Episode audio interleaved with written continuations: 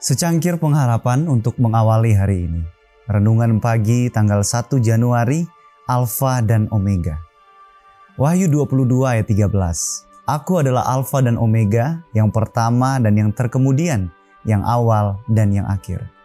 Dia atau Paulus mendekati orang-orang bukan Yahudi, bukan dengan meninggikan hukum pada awalnya, tetapi dengan meninggikan Kristus dan kemudian menunjukkan tuntutan hukum yang mengikat.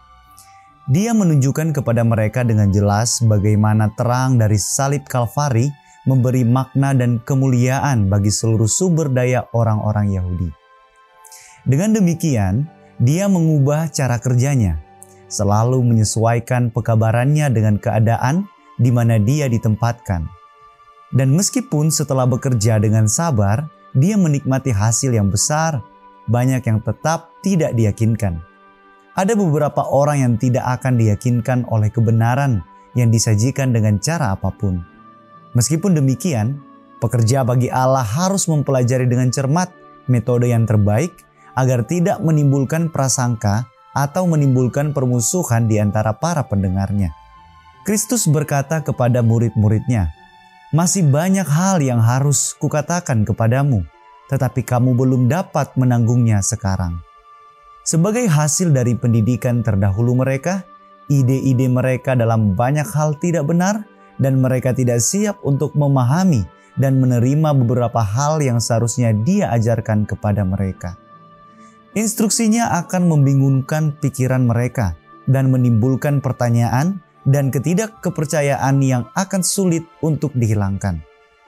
Kristus menarik hati para pendengarnya kepadanya melalui pernyataan kasihnya dan kemudian sedikit demi sedikit saat mereka mampu menanggungnya, dia menyingkapkan kepada mereka kebenaran-kebenaran besar perihal kerajaan Allah.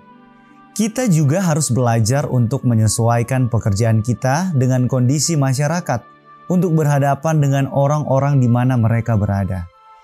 Sementara tuntutan hukum Allah harus disampaikan kepada dunia, kita tidak boleh lupa bahwa kasih kasih Kristus adalah satu-satunya kekuatan yang dapat melembutkan hati dan menuntun pada ketaatan.